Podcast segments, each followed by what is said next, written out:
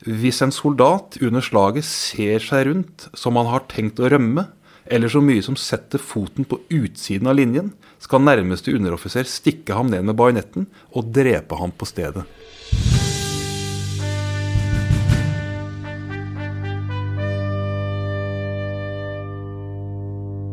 Du hører nå på Krigens krav, en podkast fra Heimevernssamfunnet.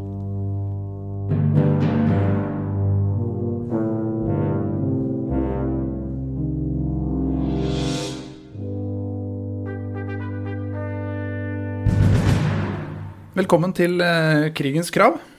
Eh, I denne episoden her så sitter vi på Akershus festning. Eh, og jeg sitter her sammen med Harald Høybakk. I denne episoden skal vi snakke litt om oppdragsbasert lederskap og historien som, som leder fram til det vi kjenner som oppdragsbasert lederskap i dag. Velkommen, Harald. Takk for det. Men før vi, før vi drar i gang med historien, eh, åssen havna du på museum, egentlig? Det er jo enhver ærgjerrig offisers drøm er jo å havne på museum eh, og sette spor etter seg og gjøre noe som er bevaringsverdig. Det er én variant av det. Det andre er at jeg hadde vært lenge på Forsvarets høgskole og hadde hatt, hatt det bra der lenge, men eh, så kom det til et veiskille hvor jeg tror begge parter hadde godt av en liten pause. Det er jo spennende å kunne eh, være med å lede, lede Forsvarsmuseet. Ja, vi lever i en spesiell tid, vi også. Fordi det er besluttet at vi skal skifte hjem. Altså, Vi har jo vært en del av Forsvaret, og det er ganske spesielt i vår tid at man holder seg med museer i Forsvaret. De fleste stedene i verden så er jo disse militære museene en del av andre departementer, og det skal vi også bli. Vi skal bli en del av Kulturdepartementet innen 2024, og det gleder vi oss til. Men det er selvfølgelig en sånn skrekkblandet fryd, det, da. For at vi gleder oss til å komme til et departement som er opptatt av museer. Men vi vet jo der at der er det langt flere skrikerunger å krangle med enn det er i etaten. Så sånn sett så er det en spennende tid å være her. Mm. Jeg hadde veldig lyst til å snakke med deg om eh, oppdragsbasert lederskap. Dette er jo et, eh, er et tema du har, du har skrevet bøker om det. Eh, Og eh, jeg, du har jo også blitt anbefalt. Hadde jo en samtale med Ole Jørgen Maae, en eh, historikerkollega av deg, også fra Luftforsvaret, eh, tidligere, om hans ti bud. Eh, Hva tenker du om å ta over stafettpinnen og dra den videre? Jeg tror det var ironisk ment fra hans side. Ledelse kan jeg jo ingenting om, som jeg pleier å si, i og med at jeg er nestkommanderende her ved museet. Jeg har lest en del om ledelse, men jeg kan nok mye mer om historie og militærhistorie, og det er jo det som skal være tema her i dag, har jeg latt meg innbille. At vi skal snakke litt om hvordan endringer i ledelse har Eller hvordan ledelse har utviklet seg da, gjennom historien, og det syns jeg er spennende. Og, og der ser vi jo røttene da, til en del av det vi snakker om i dag, med oppdragsbasert ledelse og sånne ting. Podkasten heter jo 'Krigens krav'. Eh, Ledelse i militær ledelse dreier seg egentlig om, om krigens krav. Eh, Hva, hva, hva tenker du når du hører, eh, hører begrepet 'krigens krav'? Jeg tenker to ting. Det ene er at krigens krav har endra seg også historisk. Altså En gang i tiden så var det jo fysisk eh, veldig krevende. Det var farlig på andre måter. ikke sant? Det var eh, Sannsynligheten for å dø av sykdom, underernæring og uhell var jo mye større enn å omkomme i kamp direkte. Altså, så Det å være i krig var altså en farlig virksomhet i seg selv. Eh, og at de kravene da har endra seg, at vi i dag fremdeles har krevende konflikter og kriger, men for enkelte så er det ikke så fysisk krevende nødvendigvis. Så det er det ene, at krigens krav har endra seg i takt med teknologisk utvikling, samfunnsutvikling. Men det andre er at eh, Unnskyld. Det andre er at eh, krigens krav er noe som ligger utenfor oss selv. Altså noe som ikke i utgangspunktet er åpent for forhandlinger og synsinger og meninger og sånn. Og det syns jeg jeg syns å se at eh, unge mennesker setter litt pris på. At når de kommer fra gymnas, videregå- videregående skole og sånn, så er de vant til hele tiden å få spørsmålet passer det, hva syns du om det, skal vi gjøre det slik, eller skal vi gjøre det sånn? Og så kommer de da til en rekruttskole, øh, og det er jo ikke krig, da, men da opplever de at det er ikke så interessant hva de mener. Altså Troppssjefen spør ikke om det passer å vaske dassen da, eller om det passer å liksom Så de setter litt pris på at eh, nå betyr ikke noe hva jeg mener, nå ble lista lagt der, og jeg må komme over. Og i mitt hode så er det kanskje det viktigste med såkalte krigens krav, det er at vi må være forberedt på på en eller annen dag å kunne levere på et høyt nivå, uavhengig av om vi syns det passer, eller om det er i tråd med gjeldende politikk, eller hva det enn måtte være. Altså Det er en eller annen sånn ytre målestokk som vi bare må, må klare. Mm. Og samtidig så skal vi eh, skal vi tenke, og samtidig så skal vi kunne eh, klare oss å eh, ta initiativet, sånn basert på Eh, oppdrag, det oppdragsbaserte lederskapet og det desentraliserte lederskapet. Da. Absolutt. Så det stilles jo høye krav der òg, egentlig?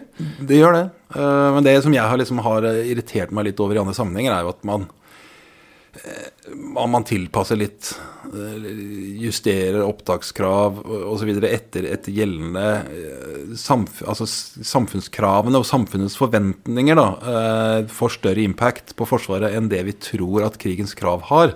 Nå vet jo ikke vi hva som er krigens krav i fremtiden. Altså Vi aner jo ikke helt hvordan en krig kommer til å se ut.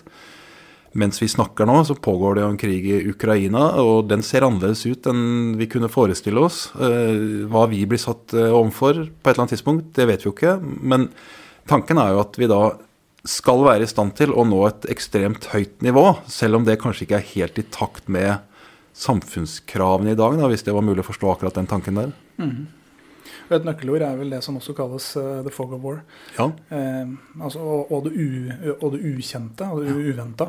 Ja. Det er ofte, ofte, det som møter oss. Ja. ja. Men hvis vi skal trekke linjene tilbake, da. Eh, hvor er det det oppdragsbaserte lederskapet har sin, eh, sin, sitt utspring? Det er et godt spørsmål. Eh, når man ser sånn militærhistorisk, så er det jo ingen start på noen ting, egentlig. Altså Vi kan gå tilbake til de gamle romerne eller de gamle grekerne eller til så langt vi vil. Men i mitt hode så gir det mest mening å starte ved 30-årskrigen. Altså Da er vi første halvdel av 1600-tallet, som er en voldsom, blodig, eh, fryktelig og brutal krig i Europa. Som da, til tross for navnet 30-årskrigen, faktisk varer i 30 år fra 1618 til 1648. De visste jo ikke da at den skulle vare i 30 år, men den fikk altså det navnet etter å ha vart eh, 30 år. Det var andre kriger som fortsatte også ut av den, men, men den krigen er fryktelig. Det er en religionskrig, blant annet. Dødeligheten er enorm. Det skyldes ikke bare våpenbruk, men som vi var inne på tidligere, på den tiden her så var det bare å samle mange mennesker. Var farlig i seg selv. Altså smitte, pest, lopper, lus, alt det her. Så dødeligheten enorm. Sett i relieff så var det flere prosentmessig som døde i Tyskland under 30-årskrigen enn under første og andre verdenskrig til sammen. Mm. Så det er liksom bare svartedauden som eh, kan sammenlignes i fryktelighet. da. Og Det er to ting med den krigen som er sentral for oss her. Det ene er fryktelig, altså hvor fryktelig den er, og ønsket politisk ledelse etter hvert har, altså konger og fyrster og sånn, at dette vil vi ikke oppleve igjen. Vi vil på en eller annen måte få kontroll på dette krigens vesen. Det kan ikke være liksom overlatt til hver og en å leie armeer og altså folk med høygaffel og, og fakler, liksom. Dette, vi må få kontroll på dette. Det andre er at det er under 30-årskrigen eh, den såkalte vitenskapelige revolusjonen oppstår. Altså Den menneskelige måte å tenke på blir endret. Ikke som en direkte konsekvens av krigen, men fordi at krigen gjør at en del av disse sensurmekanismene som hadde, som hadde vært fram til da, at de svekkes litt. Så en del av disse tenkerne, Galilei, Descartes og andre får altså et albuerom som de ellers ikke ville ha fått. Så ut av denne krigen så kommer det, så utvikler det seg en voldsom si, tillit og tro på menneskets evne til å tenke, som topper seg da med Isaac Newton og denne tanken om at man egentlig kan styre og forstå og kartlegge alt. Så de to tingene, dette ønsker vi å få kontroll på. Vi tror at menneskets tenkeevne og vår evne til å gjennomskue universet, det, den er nærmest ubegrenset. Det gir altså et uh, utgangspunkt for en militær ledelsesform som er helt motsatt av det vi oppdager, oppfatter i dag som oppdragsbasert ledelse. Det høres jo litt pedagogisk rart ut at jeg nå ga dere en forklaring på det motsatte, men det er jo en reaksjon på denne her maskinslederskapet som dukker opp midt på 1700-tallet i Prøysen hvor man har altså en tanke om at det å føre krig skal nærmest være som å styre en maskin. Altså Alle soldatene skal være som små tannhjul som beveger seg helt i henhold til den planen som kongen har klekket ut. Mm. Og det, det, er liksom bakgrunnen for uh, den motreaksjonen som, uh, som, da etter hvert kommer. Mm. Ja, ser dette her ut i forhold til uh, utviklinga som går fra fyrster og konger og lite demokratiske land, eh, til, eh, til, at man får en, eh, en, en utvikling mot, demokrati i Europa? Ja, det er en, et, et, en utvikling der også. For som sagt, vi, kom, vi starta med 30-årskrigen. Da er vi på tidlig 1600-tall. Det er en fryktelig krig. Dette vil vi ikke oppleve igjen. Fyrstene får da en sånn et behov for, en sånn felles eh, enighet om. Det er ikke noe de nødvendigvis skriver under, men de har en sånn felles interesse av at eh, neste krig den bør altså være håndterbart. Så Fredrik den store, som er altså en viktig figur for oss, eh, da er vi på 1700-tallet, han overtar som konge i 1740. Han hadde som ideal at det skulle være mulig å føre krig uten at sivilbefolkninga visste at det var krig i det hele tatt. Så krigen, militærmakten, skulle liksom være på utsiden av samfunnet, og ikke midt i samfunnet, sånn som det hadde vært under 30-årskrigen. Og så hadde han da også en sånn tanke om at hans hode, eh, som opp, altså eneveldig konge, den, det var altså det hodet som skulle styre maskineriet. Så det er altså idealet under hans tid. Det er at hans soldater skal bevege seg helt forutsigbart etter hans plan. Og da er det et sånt kjent sitat fra den mannen som du skal få nå. Mm -hmm. Hvis en soldat under slaget ser seg rundt som han har tenkt å rømme, eller så mye som setter foten på utsiden av linjen, skal nærmeste underoffiser stikke ham ned med bajonetten og drepe ham på stedet. Ja. Sitat slutt. Okay, Nei, så det var liksom tanken at eh, et angrep skulle være da et, en flukt fremover. Det er nærmest litt sånn som stridshesten. For en hest har heller ikke noe større interesse av å løpe mot en kanon eller noen som skyter på den. Så det må være altså frykten for rytteren Mm. Må altså være større enn frykten for kanonen. Mm. Samme var det med disse soldatene. altså Frykten for underoffiseren som kom bak med sabel eller bajonett, den skulle altså være større enn frykten for fienden. Så et angrep skulle være altså en kontrollert flukt fremover. Det var liksom eh, idealet. Soldater, offiserer, underoffiserer skulle aller helst ikke tenke i det hele tatt. De skulle bare gjøre akkurat det de ble fortalt. Idealet. Men realiteten var jo litt annerledes. Og da kan vi se for oss den taktiske generalen da, som står på, på, eh, på åskammen og skal på en måte ha oversikt over hele slagfeltet og skal kunne kommandere eh, hele hæren sin eh, nærmest i sanntid. Ja, og det var liksom idealet. Og hvis man ser malerier og sånn fra denne tiden, og gjerne litt etter denne tiden, så får man jo inntrykk av at dette var altså snorrette geledd. Altså, soldatene var altså som små tannhjul.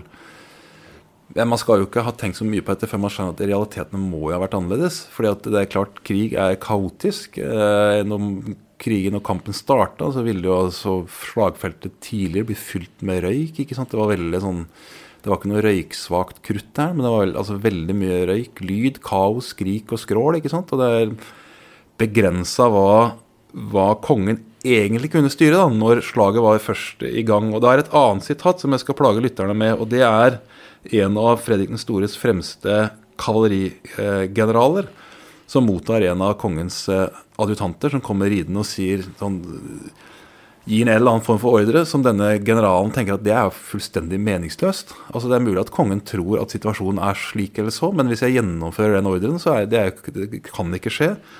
Så da gir han beskjed til denne adjutanten. Eh, fortell kongen at han etter slaget kan få hodet mitt på et fat. Men inntil det håper jeg at han tillater meg å bruke det. Sitat slutt. Så realitetene var nok at Fredrik den store skjønte at han trengte folk som var i stand til å tenke sjøl og utnytte de mulighetene som oppsto på slagfeltet. Men idealene, altså når, når eh, Fredrik den store dør da, på 1780-tallet, eh, så er liksom tanken om at Prøysen er Europas beste landmakt. Og det er de fordi de har altså så gjennomdrillede tropper som er altså i stand til å gjennomføre kongens plan punkt og prikke. Og så er det litt sånn Realiteten er litt annerledes, men idealet er sånn. Mm -hmm. Nå er vi ganske langt fra oppdragsbasert ledelse, ikke sant? Ja. Så, ja. Hvordan, eh, hva, hva, hva, skjer nå? hva skjer nå? Det som skjer er at, eh, og du var så vidt inne på det, vi tok ikke opp den tråden, men demokrati, altså Vi har en revolusjon uh, i Frankrike i 1789. Første uh, omgang så er det ikke så mange som skjønner hva det egentlig betyr. Altså, Franskmenn går løs på hverandre. Eh, kongen blir avsatt osv. Men etter hvert så skjønner man at dette får betydning for hele Europa. Og, og Prøysen da havner i krig med Frankrike i 1793. Den krigen er ganske kaotisk. Varer to år. Eh, vi skal ikke si så fryktelig mye om den, men, men de opplever da at eh, Prøysen er langt fra noe europamester i langkrig. De klarer altså ikke å påføre franskmenn, som da jo i utgangspunktet er et land uten særlig struktur da, etter en revolusjon. De fleste offiserene har jo stukket av, og soldatene er dårlig trent. Men det viser at disse franske soldatene de har altså en form for kampiver som gjør at eh, Prøysen ikke får noe særlig uttelling for, for, for, sine drillede tropper. Men de slutter av fred i 95, 1795, og så er det så er ikke Prøysen noe særlig med i revolusjonskrigene og napoleonskrigene før vi kommer fram til 1806. Og 1806 blir ofte satt liksom som startdatoen for det vi i dag kaller for oppdragsplassert ledelse, eller Auftrag. For da havner da Prøysen i krig med Napoleons Frankrike. Vi skal ikke ta hele den historien, men Prøysen er aleine i praksis. De er allierte med russerne og forventer å få hjelp av de, men det er store avstander og alt dette her, så de havner i prinsippet i krig med da krigstrente franskmenn eh, høsten 1806. Og får altså grisehjuling, for å bruke et faguttrykk. I løpet av én dag så går altså Prøysen fra å være en av Europas fem stormakter til å leve på Napoleons nåde. Altså De taper et såkalt dobbeltslag. altså Det er to slag i nærheten av hverandre. altså Begge sider mister kontrollen osv. De vet ikke helt hva som skjer, men det slåss. Og Det viser seg at det er to slag. Eh, Jena i sør og Auerstedt rett nord for det. Eh, her blir altså Prøysen påført et kjempenederlag som gjør at eh, landet blir okkupert. franskmenn rykker inn i Berlin. De, de slås i utgangspunktet ut av den europeiske maktbalansen.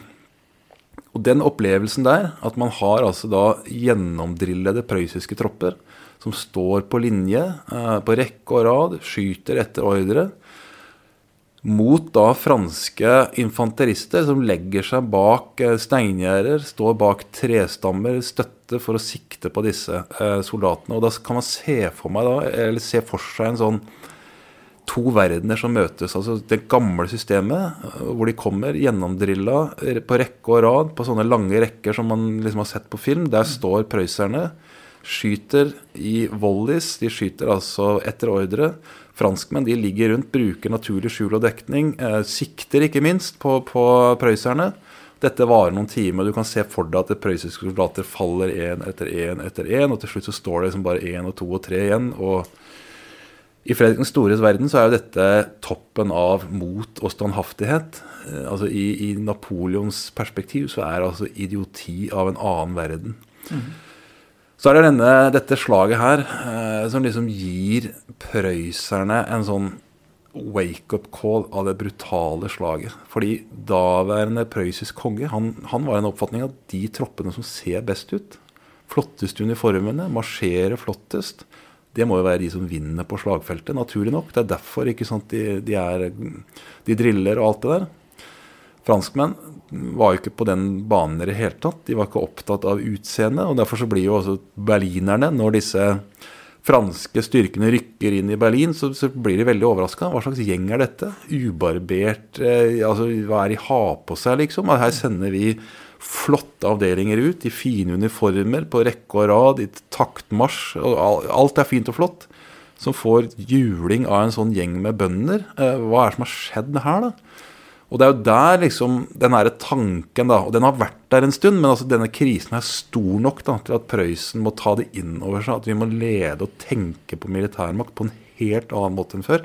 Det nytter ikke å prøve å styre dette sentralt fra hesteryggen at én mann skal gjøre det. Vi må altså dytte initiativ, beslutninger og sånn ned til der folket befinner seg. Mm.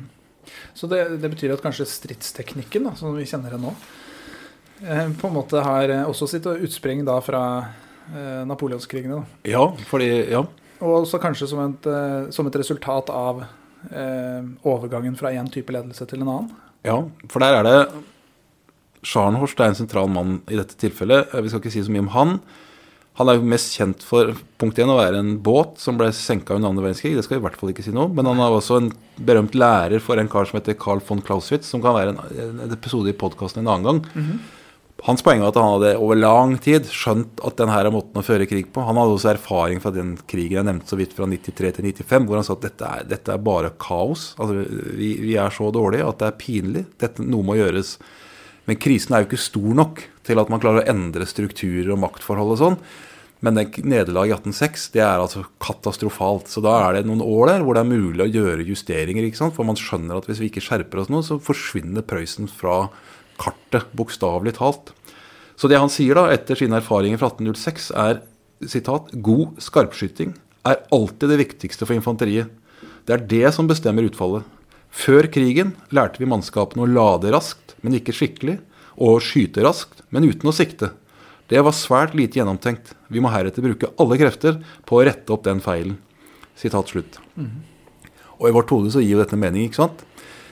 Men den gang da så hadde man jo ikke engang Man hadde jo ikke sikte på geværene. Altså Man sikta jo ikke. Man skjøt i retning av motstanderen etter ordre, ikke sant? Mm -hmm. Og for den enkelte soldat så var jo ikke det styrende for om du kom til å leve eller dø, hvorvidt du traff fienden. Det spilte jo ingen rolle, for du liksom bare mens her skjer det altså en endring. Det blir altså individene. altså Som jeg snakka om, disse franskmennene i mye større grad. De var overlatt til egen kamp.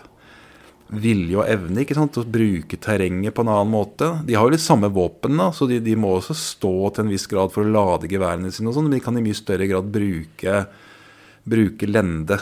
Og samme med disse marskalkene til Napoleon, ikke sant, som, som, ikke var redd for å utnytte muligheter. Og det er det som skjer ikke sant, med det dobbeltslaget. At, det, at det ene av marskalkene oppe i nord, han tror jo at han møter en del, og det gjør han jo, da, men, men, men det viser seg at det, det, Napoleon tror er Prøysens hovedarmé, det er altså en del av Prøysens hovedarmé. Mens det som Davo som er oppe i nord, tror er en liten del av Prøysen, det er altså hoved. Så ett fransk korps klarer altså å slå hoveddelen av det prøyssiske hæren. Og det er fordi at disse marskalkene da er, har såpass stor selvtillit og ikke er redd for å fatte veldig omfattende beslutninger. Det er også en bakside som vi kanskje kommer mer tilbake til. For eh, under samme slaget så er det en marskalk som har blitt ganske berømt i Norge. Fordi han sitter nå oppe på hesteryggen foran Slottet og skuer nedover Karl Johan. Da het han eh, Bernadotte. Han var marskalk under samme slaget hadde et eget korps, men han var ikke interessert i å la seg underordne nevnte Davo. Så han ligger altså sammen med hele korpset sitt i enga og ser på skyene og tygger strå. Mens altså resten av gjengen er i kamp på liv og død. Det er også en bakside av oppdragstaktikk da, som vi skal komme litt tilbake til. Mm. Nå kalte ikke dette på oppdragstaktikk, men det er en bakside ved å overlate mye av beslutningene til enkeltindivider. Det er ikke alltid de fatter de beslutningene de burde ha fatta, sett i et litt bredere perspektiv. Nei, og så stiller det også store, eh, store, krav til den som får eh, Som er tiltrodd eh, ansvaret å, å ta initiativet. initiativ, da. Det er riktig, og det er også denne nevnte Scharnhorst, som jo i utgangspunktet var en skolemann og pedagog. Det var det han var lærer. Og han skjønte jo det at dette handler jo også vel så mye om kompetanse som om lederstil. Mm. Altså hvis vi skal overlate mer av initiativet til lavere offiserer eller underoffiserer, til befal, så må jo de menneskene få kunnskaper. De må være i stand til å se situasjonen. De, så for han så handla dette minst like mye om utdanning, eh, meritokrati. Altså det der at eh, jeg vil ha den beste sersjanten. Det spiller ingen rolle hvilket etternavn han har, om han er adelig eller hva, han er. Jeg skal ha den beste, som er best kvalifisert til den type jobb. Og hvem som skal gis opprykk, er basert på hvem jeg tror har de beste forutsetningene for å gjøre en god jobb på det neste gradsnivå. Mm. Uavhengig av hva vedkommende heter, eller hvor vedkommende kommer fra.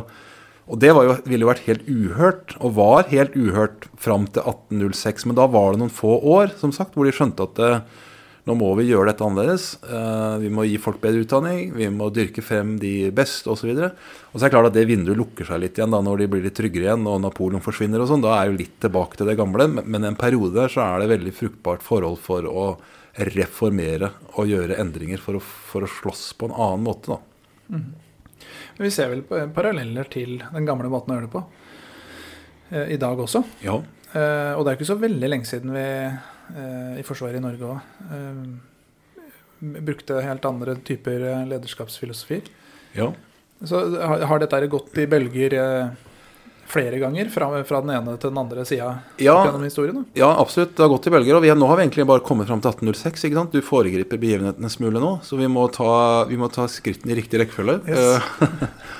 Eh, altså, eh, 1806 er jo kall det fødselsdatoen for den måten å tenke på. Eh, Du kan si at franskmenn hadde gjort det allerede, men, men de hadde ikke den refleksjonen rundt det, for for dem kom det mer naturlig. ikke sant? Det var først en revolusjon. Ting rakner. eh, Mange av offiserene stikker av, for de er ikke noen tilhengere av revolusjon. Eh, Andre dukker opp, og man griper muligheten. Så der er det mer sånn organisk utvikling av en annen måte å krige på, mens prøysserne må gjøre dette mer systematisk. eh.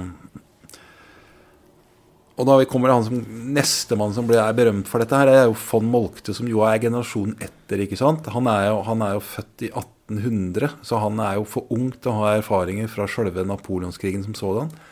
Men han er en sentral mann i Prøysen under disse samlingskrigene. Eh, som det heter, som er først mot Danmark, så Østerrike og så Frankrike, hvor altså Prøysen gjennom tre kriger klarer da, eller klarer, men de samler da det som vi i dag er kjent som Tyskland, da, som oppstår på europakartet i, i 1871. Og han Von Molte, ble ofte sett på som da en som liksom satte disse tankene på papiret. Altså, Man gjorde erfaringene, og man prøvde å gjøre noe med det i 1806. Men når han skriver sine feltregulativer og sånn, eller reglementer da, i, på, på 1860-tallet, så, så er det disse tankene. Selv om han heller ikke bruker avtrag som sådan, så kjenner vi igjen konseptet om at det, det er ikke mulig for meg å gi en ordre fortløpende, eller følge slaget fortløpende. ikke sant? For det er for mange involvert. Så vi må overlate mye av dette til de som er på bakken. Eh, det som er lett da, i anførselstegn for hans del, det er at tyskerne, eller prøysserne, de slåss den samme krigen hver gang. Det er litt sånn flåsete sagt, men i prinsippet er det altså en landkrig. Eh, først er det sammen med østerrikerne mot Danmark. Neste gang så er det mot østerrikerne, eh, og siste gangen så er det mot franskmenn. Men det er altså den samme operasjonsmåten. Idealet er å rykke, liksom på, altså rykke frem spredt, eller forflytte seg spredt, og så få samle styrkene sine på slagfeltet på en måte som gjør at motstanderen blir satt i en sånn kjele, kall det det. altså at han er omringa altså Han blir utmanøvrert egentlig før slaget begynner. Så det gjør det jo litt lettere da, å, å over, altså gi underoffiserer, ikke underoffiserer, men altså lavere offiserer, eh, stort handlingsrom hvis alle vet hva som er målet. Målet er å sette fiendens hovedstyrke sjakk matt idet slaget starter. Når jeg sier lett, så er det i anførselstegn. Det syns jeg ikke så godt på podkast, men for det var jo krevende, det òg. For at eh, mange av disse generalene og disse avdelingssjefene var jo svært ærgjerrige mennesker. De hadde ikke noe ønske om å spille andre fiolin. Alle ville liksom være den som avgjorde slaget. Alle ville liksom storme frem, og det var noe Molte slet med hver eneste gang. Jeg prøver å legge liksom en enkel plan. Hvis den fløya trekker litt tilbake, så kan den komme og slå fienden i, i bakhuet, liksom. Men disse generalene var altså veldig, veldig lite villig til noe annet enn å ri fremst med, med sverdet høyt hevet, liksom, og så øh, avgjøre dette. Så det var noe han slet med hver eneste gang. Altså hvordan skal jeg klare å få Greit nok, de er dyrket frem, disse generalene, fordi de er villige og i stand til å fatte veldig øh, omfangsrike beslutninger som har stor konsekvens.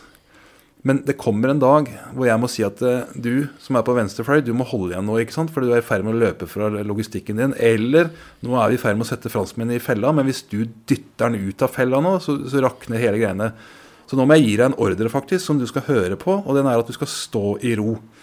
Og så tenker jo generalen at eh, ordre, det jeg forholder meg ikke til det, jeg. Jeg ser situasjonen. Jeg. Nå ser jeg en mulighet for meg å ta livet av så mange franskmenn som overhodet mulig. Da stormer jeg frem og ødelegger hele uten, Skjønner du? Så den derre den der konflikten der mellom hva som er smart, eller hva som ser lurt ut på strategisk nivå, konflikten der og hva som oppleves som smart på det operasjonelle eller taktiske nivå, det er et sånt spenningsfelt som man ikke kommuniserer så veldig mye, syns jeg, en del av disse den ledelseslitteraturen som, som sier mye vakkert om oppdragstaktikk. Det er at den derre selvstendigkeit, altså hvordan skrur du av den når det er nødvendig?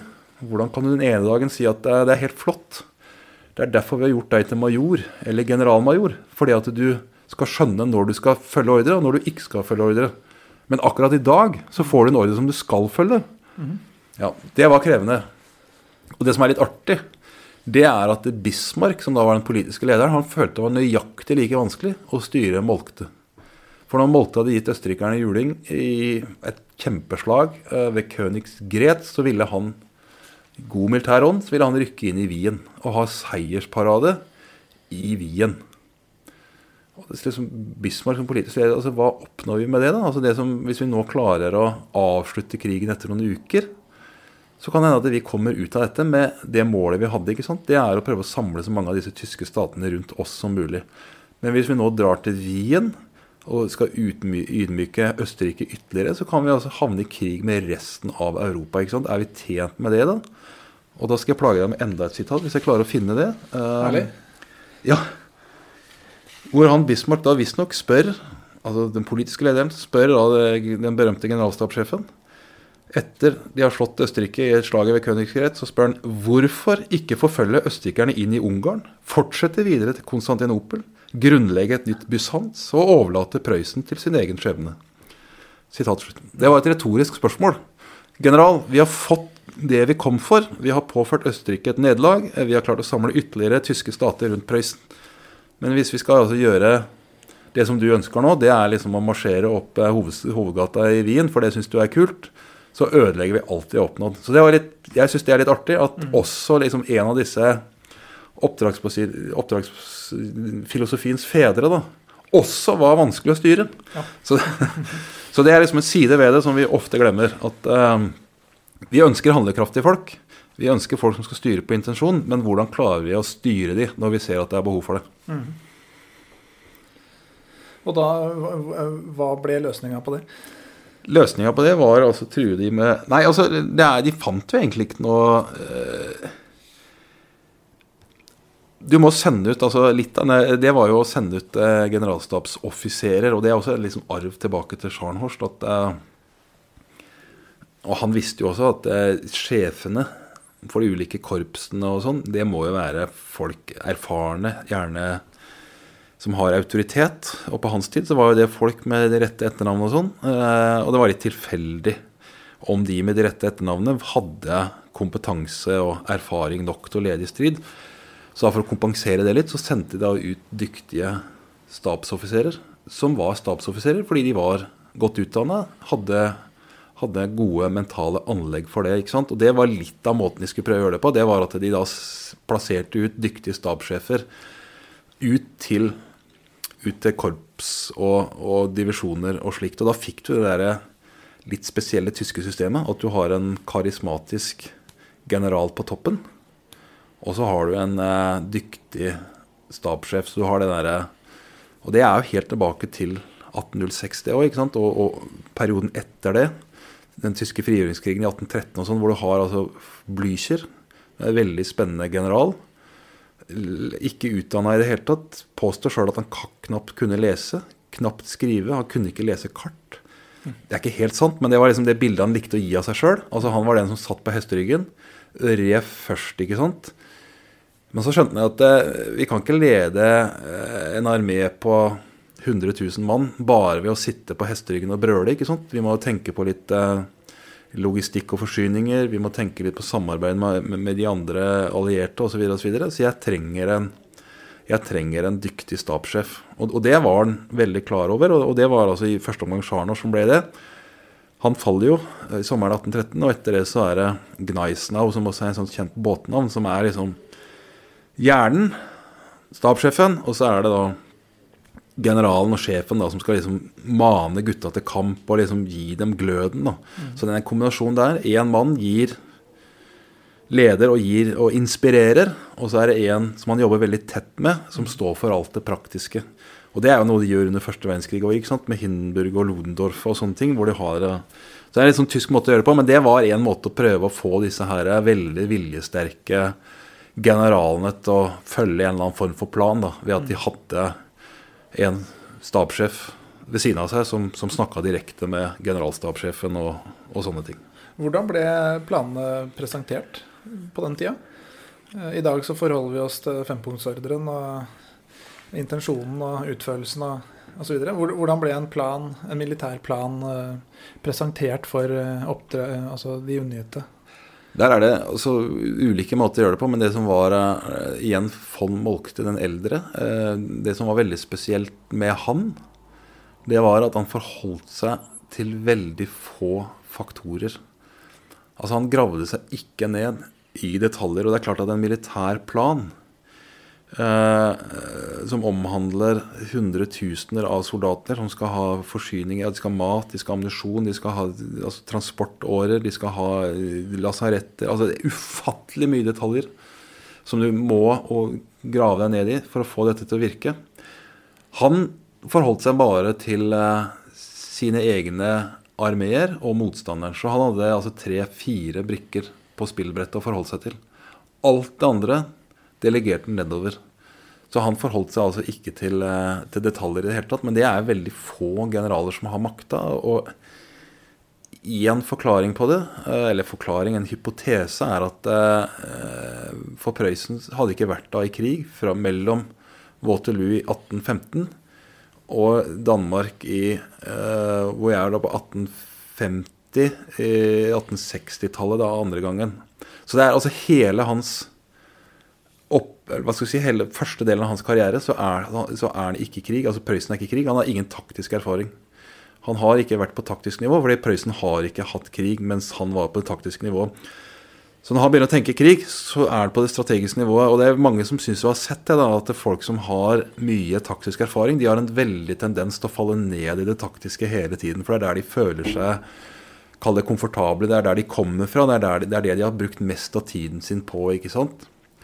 Et annet eksempel, eh, som ikke nødvendigvis ligner som sådan, da, men Eisenhower, som jo ble en suksess under andre verdenskrig, var litt av den samme kategorien i den forstand at han hadde veldig lite om noe taktisk erfaring. ikke sant? Han hadde ikke vært med under første verdenskrig. Han liksom, Når andre verdenskrig bryter ut, så er han vel ikke mer enn major, eller noe sånt, men så har han da en veldig sånn eh, meteoraktig karriere. Og til en viss grad skyldes nok det at han evna liksom å, å, holde seg på det liksom strategiske nivået og overlate veldig mye av det praktiske og taktiske til andre. Det er veldig ofte at eh, generaler faller ned i honningkrukka og begynner å blande seg opp i konkrete ting som de føler seg mer komfortable med enn dette litt mer kompliserte, kall det da, skjæringspunktet mellom strategi og politikk. da. Mm -hmm. Så sånn eh, Det er altså von Molkte, samlingskrigene. Eh, og positive var at eh, Eller han sier, og han er ganske klar på det, at, at lykkelig er den korpssjefen som ikke har en telegraflinje stukket inn i, i ryggsekken. Altså det verste som er, det er at det sitter en eller annen sjef et eller annet sted som har mista kontrollen på utvikling av slaget, ikke sant? for det er dynamisk. Og han er også kjent for det sitatet om at en militær plan den varer altså ikke lenger enn første møte med motstanderen. ikke sant? For da endrer alt seg. Og konsekvensen av at alt endrer seg, er ikke at uh, den øverste sjefen henger på korpssjefene via uh, telegraflinja, ikke sant? som da hadde blitt en mulighet nå. Det var ikke det under Scharnhorst og Napoleons tid. Men nå, teknisk, så er det mulig for toppsjefen å sende signaler ned til generalene. Men måltidspoenget er at det må jeg ikke finne på å gjøre. ikke sant? Det er galskap. Vi må overlate veldig mye av dette til de som er i området, som ser liksom at her er det mulig å rykke fram. Der går det ikke an å rykke fram, for der står alle kanonene. Vi må sånn og sånn. Så det er oppsiden av det. Nedsiden er som sagt når du skal prøve å gi disse menneskene nå skal, ikke, nå skal vi ikke stole på det du ser og hva du mener. Jeg har full respekt for det. Men vi har en annen plan. Du skal faktisk stå stille, du. Eller nei, du skal rykke tilbake. Så det å få han til å gjøre det, det viste seg å være krevende. Mm. Og det blir jo enda mer krevende når vi kommer til første verdenskrig, da, hvor omfanget av styrkene er altså astronomiske. Det er ufattelig mange.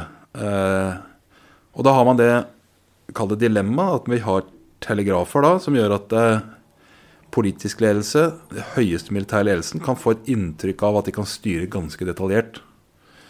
Og så har du jernbane, som gjør at du kan forflytte enorme mengder med mennesker og materiell. Men fra skyttergrava og utover mot fienden så er det altså et eh, informasjonsmørke. Fordi at eh, telegraflinjene ble jo skutt i fille ganske umiddelbart. Så i det øyeblikket soldatene liksom krysser ut av skyttergravene, så forsvinner de i praksis inn i mørket. ikke sant? Så det gjorde det igjen viktig å overlate mer av initiativ og beslutninger til de som faktisk befant seg på bakken. Er du klar for et veldig langt sitat til? Ja, absolutt. Og det er vår venn, eller vår venn er det jo ikke, men han som ble berømt for å lage planen før første verdenskrig. Som da var en av von Moltkes etterfølgere som generalstabssjef, som var Alfred von Schlieffen. Han dør før første verdenskrig, men det er han som lager denne i hvert fall utkastet til denne planen, som gikk ut på at uh, uansett hva krigsårsaken var, så skulle tyskerne starte med et angrep på Frankrike. Det høres jo rart ut, men det som var Tysklands skrekk, det var jo en tofrontskrig. ikke sant? De hadde Frankrike i vest, og så hadde de Russland i øst. Så var hans tanke det at uansett hva krigsårsaken er, så må vi ta Frankrike først. For de er raskere enn russerne. Så vi må slå ut Frankrike, sånn at vi da kan konsentrere oss om russerne etter det. Første verdenskrig starta med skuddene i Sarajevo, som ikke hadde noe med franskmennene å gjøre i det hele tatt. Men planen var nå, uansett hva krigens bakgrunn er, så må vi starte med å ta franskmenn, sånn at vi da har liksom ryggen fri når vi kan begynne å gå østover. Denne von Schlieffen han hadde en voldsom forventning da, til hva moderne teknologi kunne gjøre. Og da, Det er et ganske langt sitat, men jeg skal prøve å gjøre det beste ut av det. Og jeg siterer Schlieffen. Ingen Napoleon, omgitt av et strålende hoff, vil synes på høyden skuende utover slagfeltet. Ikke engang det beste teleskopet vil gjøre ham i stand til å se særlig mye. Hesten hans vil også utgjøre en altfor lett blink for de talløse batteriene. Krigsherren vil befinne seg lengre bak, i et hus med romslige kontorer, hvor telegraf og trådløst, telefon og signaliseringsutstyr er tilgjengelig. Horder av lastebiler og motorkjøretøy, utstyrt for de lengste reiser, venter der på sine marsjordre. Der, sittende i en komfortabel stol foran en stor pult, vil en moderne Alexander ha hele slagfeltet foran seg på et kart. Derfra vil han telefonere, inspirerende ord, motta rapporter fra armé- og korpssjefer, ballonger og luftskip, som langs fronten følger fiendens bevegelser og registrerer hans posisjoner. Sitat slutt. Det var det idealet han så for seg. Sånn ville neste krig se ut. Millionarmeer spredt over store deler av europakartet. Men pga. moderne teknologi så sitter altså den moderne Alexander han sitter i en god ledestol og har fullstendig oversikt. Og gir sine ordre. Det viste seg at det var ikke helt slik. Altså det, telegrafen virker på din side av, av grensen. På, på, ute i ingenmannsland så er det altså pulverisert. Den svarteste dagen i britisk armés historie, altså slaget ved Somme i juli 1916, tar det jo flere dager før general Haig, da, eller liksom før han skjønner at dette her har vært en katastrofe. Da har de altså en uke lempa millioner av artillerigranater i hodet på tyskerne på den andre sida. Og han er jo sikker på at det er jo ikke et levende vesen, det er jo ikke en frosk igjen på den andre sida. Det er ikke mulig. Etter en uke med bombardement så gir de ordre. Begynner å spasere over. ikke sant? Så oppdager de at det, altså, tyskerne faktisk har overlevd i stort antall. Nede i dype bunkere. Mm. Det tar det er først dag to at han begynner å skjønne at hmm, dette gikk kanskje ikke helt etter planen. Og han begynner å få altså, vanvittige tapstall. 20 000 drepte. 60 000 skadde, sårede. ikke sant, Enorme tall. Men det er altså fordi at det, følelsen av kontroll Telegrafene gir det, eh, og også logistikken er helt, altså noe helt annet enn under napoleonstida pga. jernbaner, moderne dampbåter og alt det her gjør at du får fram veldig mye utstyr. Du får et inntrykk av at du har god kontroll, for du kan sende telegraf hit og dit. Men i ingenmannsland så er det altså helt mørkt. Du har ikke peiling. Nei. Så det igjen er jo da, la oss si, tredje sånn renessanse. Vi skal kalle det tre renessanser. Altså først, fødselen er katastrofen i 1806. Mm. Ikke sant? Denne her, den der Fredrik den store-måten å gjøre det på nytter ikke. Vi må, vi må overlate til Og så er det von Molkte som sier at det nytter ikke å styre disse armeene detaljert. Og så er det da tredje gangen er jo når tyskerne da i våren 1918, det er helt på slutten av første verdenskrig, når de utarbeider en modell som gjør at de klarer å bryte gjennom de engelske og franske linjene i vest. Og det gjør de mye godt da, ved å dytte initiativet langt ned til disse stormtroppene og gjøre våpenet litt lettere og enklere. Altså litt altså, avdelingsvåpen, sånn at du får med deg litt mer eh, enn bare, enn bare rifla di, liksom. Så det er liksom den Ofte i sånn oppdragsbasert eh, å si, filosofibøker, da, så er, det, så er det gjerne våren 1918, altså når, når tyskerne klarer å finne en måte å komme seg gjennom ut av skyttergraven til, til briter og franskmenn på. Det er liksom tredje sånn fødselen. Og det er liksom fra den arven at man da kobler det til moderne stridsvogner, moderne fly, som gjør at man får da altså den tyske måten å koble dette sammen på en verdenskrig senere, da med blitskrig og dette greiene. Mm. Det som er uh, igjen, da, og det er jo mitt budskap her, at uh, oppdragsbasert ledelse har sine fordeler. Og det har sine ulemper. Samme med 1918. ikke sant? Eh, fordelen var at de kom seg gjennom eh, de, de britiske og franske linjene. Det er jo ingen som hadde klart før. Man hadde brukt fire år på å prøve å finne ut av hvordan skal vi klare å komme oss gjennom disse enorme skyttergravsystemene. Det var ikke noe kunst. altså De fant fort ut hvordan de skulle komme deg inn i de. Altså Det her med, med bruke artilleri, som sagt. Og, men det å komme gjennom disse her og ut på den andre siden, det var ingen som hadde klart i løpet av fire år. Eh, tyskerne klarer det.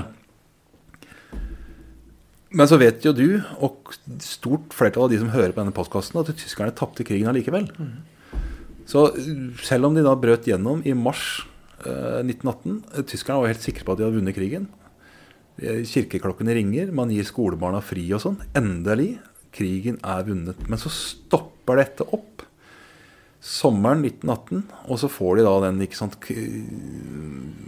slegga i bakhodet fordi at de har strukket seg langt. Og når da de allierte slår tilbake, så har ikke tyskerne er ikke i stand til å stå imot.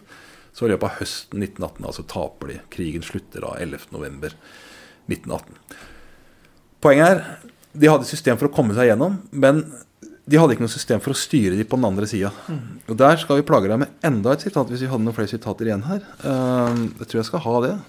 Denne gangen fra da våren 1918, for vi var inne på at uh, tyskerne, til igjen til britenes og franskmenns store overraskelse, klarte å komme seg gjennom skyttergravene til eh, britene og franskmenn og komme seg ut på den andre siden, hvor det franske liksom, landskapet lå åpent. Eh, det var en relativt kritisk situasjon, for å si det forsiktig. Så skulle jeg prøve å forklare deg hvor, hva er det som gjør at tyskerne likevel ikke klarte å utnytte dette til sin fordel. Og Det illustrerer da igjen oppdragstaktikkens bakside. Og Sitatet er da fra von Ludendorff, som var liksom den mektige mannen på tysk militær side da. Sitat, 'Jeg protesterer mot ordet operasjon'. Vi slår et hull i linjen deres, så tar vi det derfra. Sitat slutt. Det var kanskje litt kryptisk, men poenget er de hadde forberedt seg veldig og hadde funnet en god løsning på å bryte gjennom eh, fiendens skyttergravssystemer. Men so what? Hva gjør vi så? Hvordan skal vi, hvordan skal vi veksle denne dette utfallet, hvordan skal vi veksle det inn i en militær og etter hvert politisk seier? Som han konkluderte med sjøl, Ludendorff, i sine memoarer. Vi har slått den engelske hær, men hva så? Mm. Hvordan, så det var liksom baksiden av å gi disse, ved å gi disse stormtroppene vide fullmakter. Prøv å finne ut hvordan dere kan komme dere frem. Hvor er det det liksom er minst ildgivning? Er det noe søkk i terrenget her som gjør at dere kan krype fram der? Er det osv.? Men hva skulle de gjøre når de kom på den andre sida? Skulle de da ta til venstre, til høyre? Skulle de gå rett fram? Skulle de ta de britiske innskipningshavnene? Skulle de plyndre franske vinkjellere? Skulle, hva, hva, liksom, så igjen, jeg protesterer mot ordet operasjon. Altså, mm. vi slår et hull, og så tar vi det derfra. Uh, så det er jo liksom, igjen, få fram det her dilemmaet, eller hva skal vi si, utfordringen med oppdragsbasert ledelse. Fordelen er man gir folk mulighet til å utnytte de mulighetene som oppstår. Ulempen er hvordan skal du styre dette da in the long run. Og det var liksom tyskernes eh, dilemma her. De visste de hadde dårlig tid. De hadde jo egla på seg USA. De visste at hvis USA fikk liksom systemet i gang, så ville de kunne ruste Tyskland fullstendig i senk og sende altså så mange soldater at tyskerne var sjanseløse. Så de visste at de hadde dårlig tid med å avgjøre i vest. De hadde funnet en god løsning, men den var altså ikke tilstrekkelig god fordi de ikke klarte å sette dette inn i et større system. De hadde altså ingen operasjon som ledet til en, en seier. Mm. Åssen så det ut uh, på den tida med, i forhold til oppdragsformuleringer I dag er vi jo kjent med eh, ulike eh, oppdragsverb. Altså vi har slå, sikre, avskjær, forstyrr, eh, besett. Eh, hvordan så et oppdrag ut eh, gitt eh, under første verdenskrig, f.eks.? Det er et så godt spørsmål at det skal vi, det skal vi overlate til eh, den jeg skal eh, invitere deg til å snakke med i neste podkast, som kan mm. veldig mye mer om det enn meg. Bra. Så det er, eh, Nå har vi vært sant, gjennom de tre sånne viktigste eh, kall det veikryssene i oppdragstaktikkens eh, tilblivelse, sånn bredt forstått. da. Altså eh, 1806, 1871, da, kall det det. Altså det var jo tre samlingskriger, og så første verdenskrig. Og det er liksom Der blir det til. Og så tar tyskerne det med seg inn i andre verdenskrig. Og det er også en stor debatt i seg sjøl. Altså hvor mye av dette var gjennomtenkt når krigen starter, og hvor mye av det er det de finner ut av.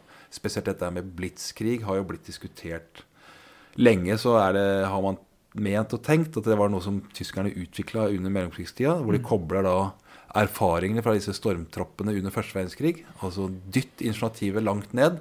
La folk få lov til å utnytte de mulighetene de ser kobler vi da stridsvogner, mye mer effektive stridsvogner da enn det var i 1918, eh, kobler stridsvognene sammen med flymaskiner. Så vi får altså en sånn fellesoperativ effekt.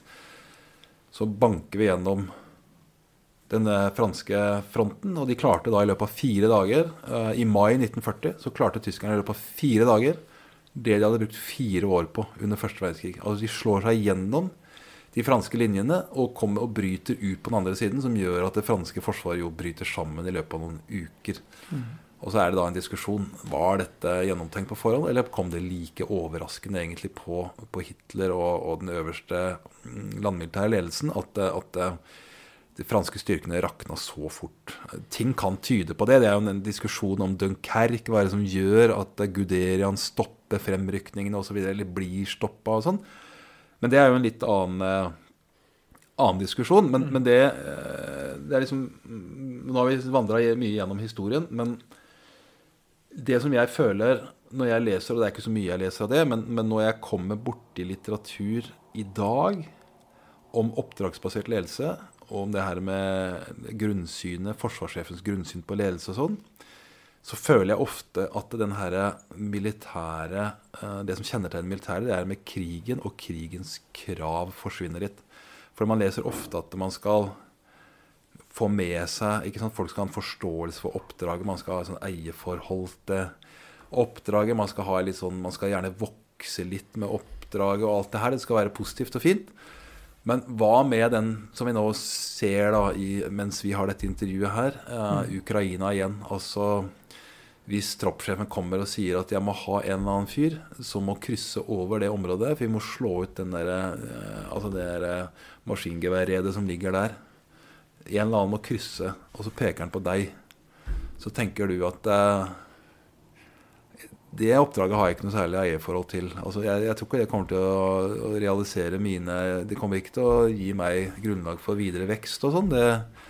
Sannsynligvis så kommer ikke jeg noe særlig lenger enn halvveis ut på gårdsplassen der. Og så er det Og det er et sånt element som jeg føler har vært i ferd med å forsvinne litt da, fra en del av den militære ledelseslitteraturen, eller ledelsesevangeliet, som man leser i i grunnsyn og sånn at det, akkurat det elementet der blir litt borte. At uh, in the end of day så kan vi komme i en situasjon hvor du blir altså brukt som et middel i sjefens hånd, og ikke altså et mål som, hvor du sjøl skal liksom uh, Så det er en side som jeg kanskje tror, dessverre, at vi har fått en sånn vekkelse på nå, da, i og med at vi har fått krigen så nær oss selv nå igjen. At, uh, at dette krigens krav kan altså være tøffere enn det, enn det liksom sånn ledelse i mer sivil sammenheng er. da, Og da sier jeg ikke at det er vanntette skott, for de fleste ledelsesprinsipper og de fleste måter å lede på vil være minst like gode i Forsvaret som i alle annen type virksomhet. Men vi må ikke glemme at Forsvaret tross alt er spesielt eh, i den forstand at eh, en relativt eh, junior sjef kan komme og si at uh, dette oppdraget må vi løse på følgende måte. Jeg er fullstendig klar over at sannsynligheten for at du kommer til å overleve dette, er ganske liten. Men verdien av dette målet er såpass stor at min vurdering er at vi gjør det sånn. Mm. Og det er et sånt element jeg føler at vi ikke må glemme, da. Mm. Og så er det en annen ting som slår meg i disse dager igjen. Det er eh, Vi vet ikke det, og dette kan jo hende når lytteren som hører på dette, kan være, har blitt klokere enn oss, for dette er en prosess eller en krig som pågår i Ukraina, hvor, hvor man stiller en masse spørsmål. Hva er det som gjør at russerne tilsynelatende håndterer dette så dårlig? Hva er det som gjør at disse forsyningskolonnene bare stopper opp og står i ukevis? Hva er det som gjør liksom at dette fellesoperativet synes å virke dårlig? Altså et dårlig samvirke mellom bakkestyrker og, og luftstyrker. Og da er det noen som kan mer om dette enn meg, som sier liksom at det russiske ledelsessystemet er jo veldig basert på det motsatte av det vi snakker om her i dag. ikke sant? Veldig lite overlates til lavere befal. Å si, Ledelsesfilosofien i Russland satt på spissen, har jeg blitt fortalt, er 'jeg er sjef, du er en idiot'. Og det er, og vi fikk jo litt sånn for de som husker det og som så det, altså når Jeltsin skjeller ut sin etterretningssjef på direkte, altså på fargefjernsyn Ja, Putin, ja. Sa jeg Jeltsin? Ja. Ja, Godt at du retter meg der, for det, det var Putin. Um, når Putin skjeller ut uh, sin etterretningssjef etter noter som vi syns er veldig merkelig Men altså man kan si at det er et uttrykk for en ledelsesfilosofi som er veldig fjern for oss, og som kanskje virker når du skal rykke mot Berlin i milliontall. Uh, du bare pøser på. Men man får et inntrykk, kanskje, og det er altfor tidlig å være sikker på det, men altså når, når disse kolonnene, når, når avdelingssjefer russiske nå inn i Ukraina møter uforutsette hendelser Den broa de skulle kjøre over, som står beskrevet i ordren, er sprengt, den er borte. Liksom, I vår tankegang så finner man da en annen løsning. Man tenker, hva, er sjefen, hva ville sjefen ha sagt til meg nå, hvis han hadde visst det som jeg vet? Uh, mens en russer har satt på spissen igjen, ville tenke at hm, den brua er ikke der, da får jeg stå her, da. Så får jeg vente til det kommer en eller annen høyere offiser som har de rette fullmakter, og forteller meg at du kjør til venstre, vi tar den broa der borte isteden. Det kan igjen, nå spekulerer jeg i villen sky, men altså det har jo kommet signaler om at uh, en del russiske generaler, altså høyt, uh, høye offiserer, også har blitt, har blitt drept i kamp. Og det er ganske sjelden i vår del av verden at generalene er så langt fremme da, at de blir Men det kan være at man må altså sende frem oberster og generaler for å riste folk og si at hør nå her, det er greit at planen vår ikke kan gjennomføres av følgende grunner, men planen er ikke målet. Planen er et middel for å nå det målet vi hadde, og det var kanskje å ta den byen der, e- eller liksom Så da må du finne en annen løsning. Jeg vet ikke, men med den temaet vi har nå, så er det litt sånn fristende å filosofere over det. At, eh, at russerne har en lederstil som ikke passer til det oppdraget de er i, og i det terrenget de er. Og så vil noen si at hør nå her, ukrainere har jo mye av den samme kulturen. Men til det er det altså mulig å si, da, uten at igjen at jeg vet nok om det, at de har altså nå tenkt nøye igjennom i, løpet av åtte år. Altså fra mm, krigen starta for så vidt i øst i 2014 og fram til nå. Og, og da er vi litt sånn tilbake til 1806 og Prøysen igjen. At for ukrainerne så er jo dette ramme alvor. Så det er altså, og det er jo til vi skal for russerne òg, men det står ikke om russernes eksistens eh, per nå, i hvert fall. Det gjør det for ukrainerne. Og det gir altså et litt sånn jo, godt jordsmonn for endring.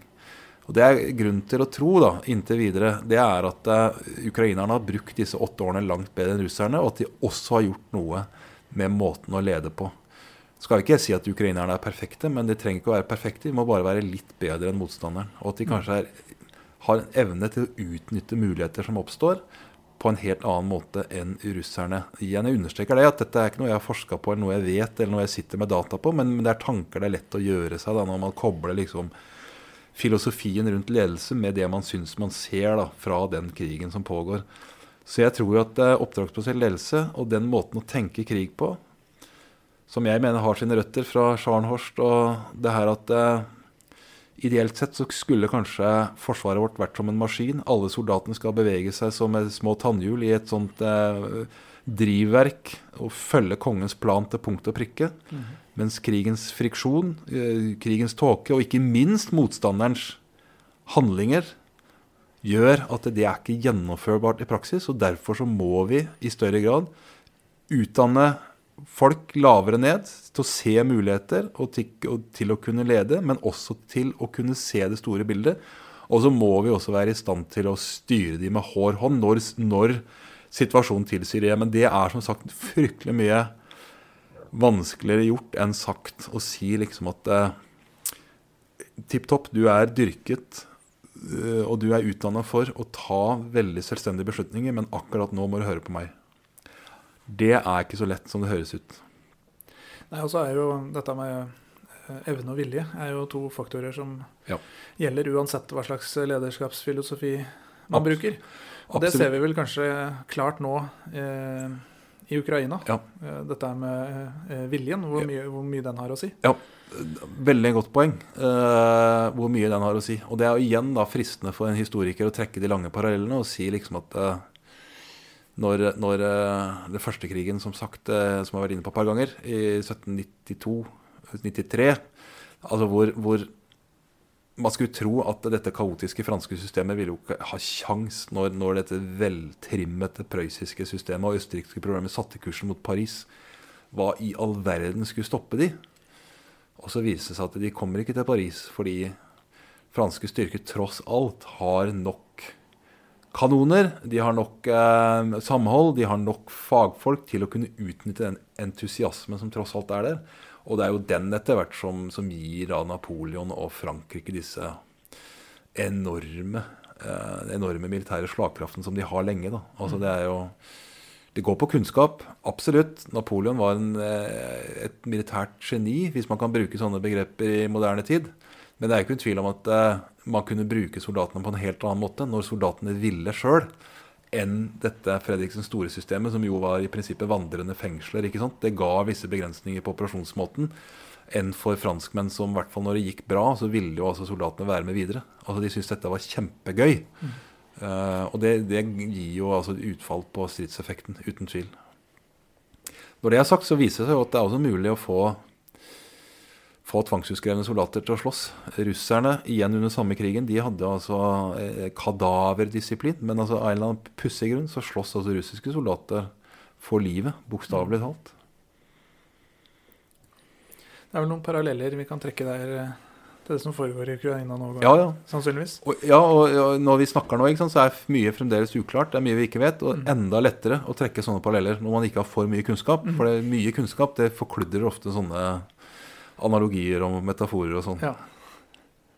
Men så langt så er det i hvert fall ting som kan tyde på det. Ja, jeg syns det. Ja. Jeg syns det. Åssen ser du for deg at vi kunne dratt eh, eh, fagfeltet eh, oppdragsbasert lederskap, eh, den historiske biten av det, videre? Da var vi så vidt inne på det. altså Hvordan ser en, eh, hvordan ser en eh, hvordan så en operasjonsordre ut? Hvordan så ordren ut? Og da skal jeg, min, min, mi- Mitt tips sånn da, til du skal invitere til å diskutere dette videre, er min eh, gode eh, Eller tidligere Nei, han er god fremdeles, men han var tidligere kollega, Palle Ydstebø, som nå er, as we speak har blitt sånn TV-kjendis og sikkert litt vanskelig å få kloa i. Men han er jo den i Norge som kan mest om de tingene du er på jakt etter nå. Altså hvordan var det man konkret ledet soldater altså under første verdenskrig, under andre verdenskrig? Eh, hvordan ble ordrene gitt? Altså Hva var liksom fullmaktene? Hvor, hvor stort albuerom hadde man?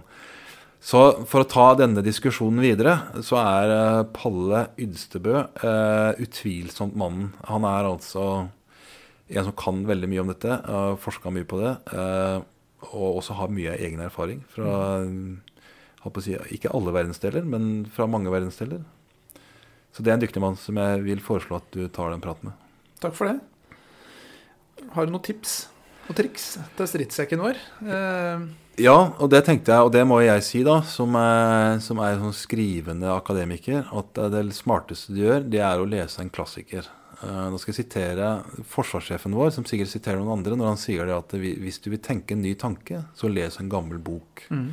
Og det gjelder også når det gjelder eh, vårt fag her, militær ledelse og krig og forberede seg på det ukjente.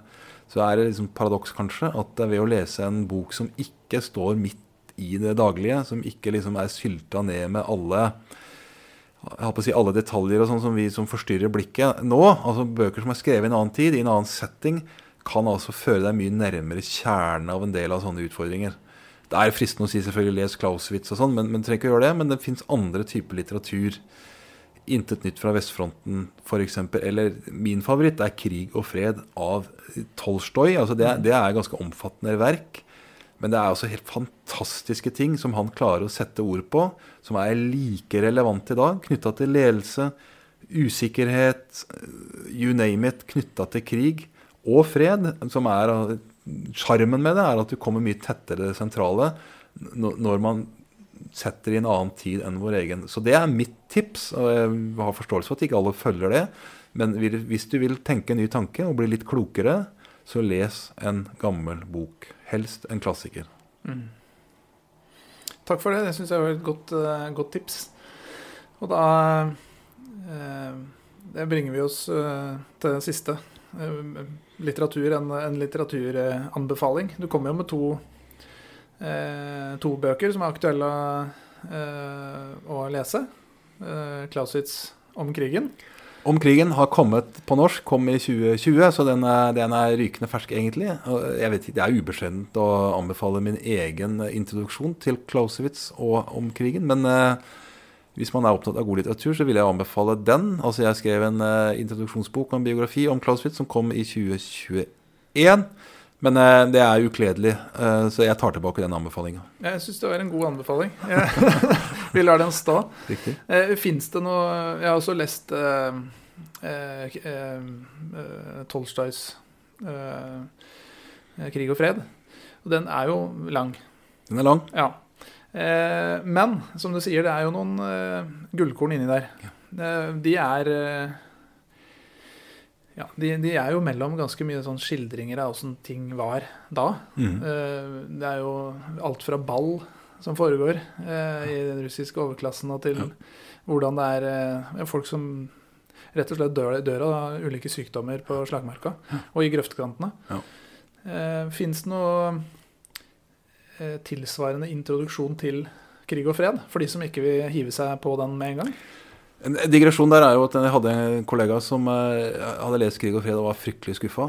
Og når han hadde gjort det, og som du sier er ganske omfattende greier Den jeg har, er på fire bind. da men når han hadde lest og syntes dette var dårlige greier, så så han jo at dette var en forkorta utgave, som fremdeles var ganske lang, men hvor de hadde fjerna alt det militære. Ja, for, det, for det, det, var altså en bok for de som var opptatt av disse ballene og, ja. og men altså, du tenker noen snarvei til krig og fred? Nei, jeg litt Altså, du må Jeg tror hemmeligheten er liksom å komme deg gjennom de første sidene, for der er det mye balja og mye sånn uh, sladder og sånne ting. Men når du kommer liksom inn til substansen, så er det så mye fantastisk. Blant annet den der scenen hvor uh, Bagrasjon Jeg vet ikke hvordan du uttaler det på russisk, da, men altså denne krigshelten, altså hvordan han leder. Og da er det liksom beskrivelsen av at uansett hva adjutanter og ordonanser som kommer med til han, så gir han liksom et inntrykk av at det, det var akkurat det han forventa skulle høre. Mm.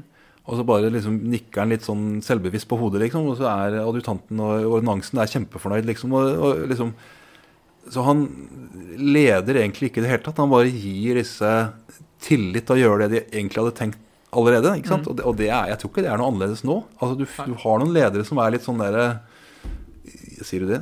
Uh, det høres ut som en god plan. Uh, det er sjefen sin, det. Ja. Som liksom Og det, det, er mange sånne. Og når Kutusov f.eks. sitter og sover altså mm. før dette de har et kjempeordremøte før, før slaget ved Austerlitz, ikke sant? og hvor toppsjefen snorker. ikke sant? Han har altså ingen interesse. Og det tenker jeg For en idiot det må være. Det må jo være altså en, Men poenget er jo at uh, i den fasen så er altså ingenting generalene kan gjøre. ikke sant? Det nytter ikke å, å ende flytte på disse pilene. De, altså, nå, det vi må gjøre nå, er at vi får få disse soldatene til å faktisk slåss. Og vi burde kanskje vært ute og mane til og, mm. og, gå foran som et godt eksempel. Det der å drive, flytte piler på kartet timer før slaget starter, det går ikke. Det er for seint. Og det er sånne ting som jeg syns er eh, Jeg tror ikke det har endra seg heller. Men det er klart, det er bare to episoder da, i en lang så du, sånn, sånn der, eh, snarvei til innsikten i krig og fred, det, det du vil finne forkorta utgaver, men faren er da at da mister du og det samme med Clausewitz om krigen òg. Du kan lese en forkorta versjon som kom på norsk på tidlig 70-tall. Men da mister du jo alle sammenhengene. Du mister liksom alle gullkornene. Så, så det, er, um, det tilbys ingen snarveier. Nei. Det er bra, da tar vi det som siste, siste tipset der. Eh, ikke ta noen snarveier. Eh, Det er nøkkelen i krigens grav, er det ikke det? jo, det Det, tror jeg det. fins ingen snarveier. Nei. Tusen takk for at du stilte opp uh, i krigens krav, Harald. Bare hyggelig.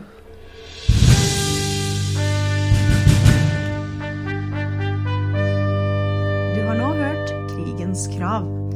Ta kontakt med oss hvis du har tilbakemeldinger eller ideer til nye episoder. Kontakt oss på hvsamfunnet.no. Følg oss der du hører podkast for å få påminnelse om nye episoder. Og så er det veldig hyggelig om du vil anbefale oss til dine venner og kollegaer. Krigens krav er en podkast fra foreningen Heimevernssamfunnet, og denne episoden er laget av Jenny Lovise Norheim Bjerke og Magnus Jonsrud Kårdal.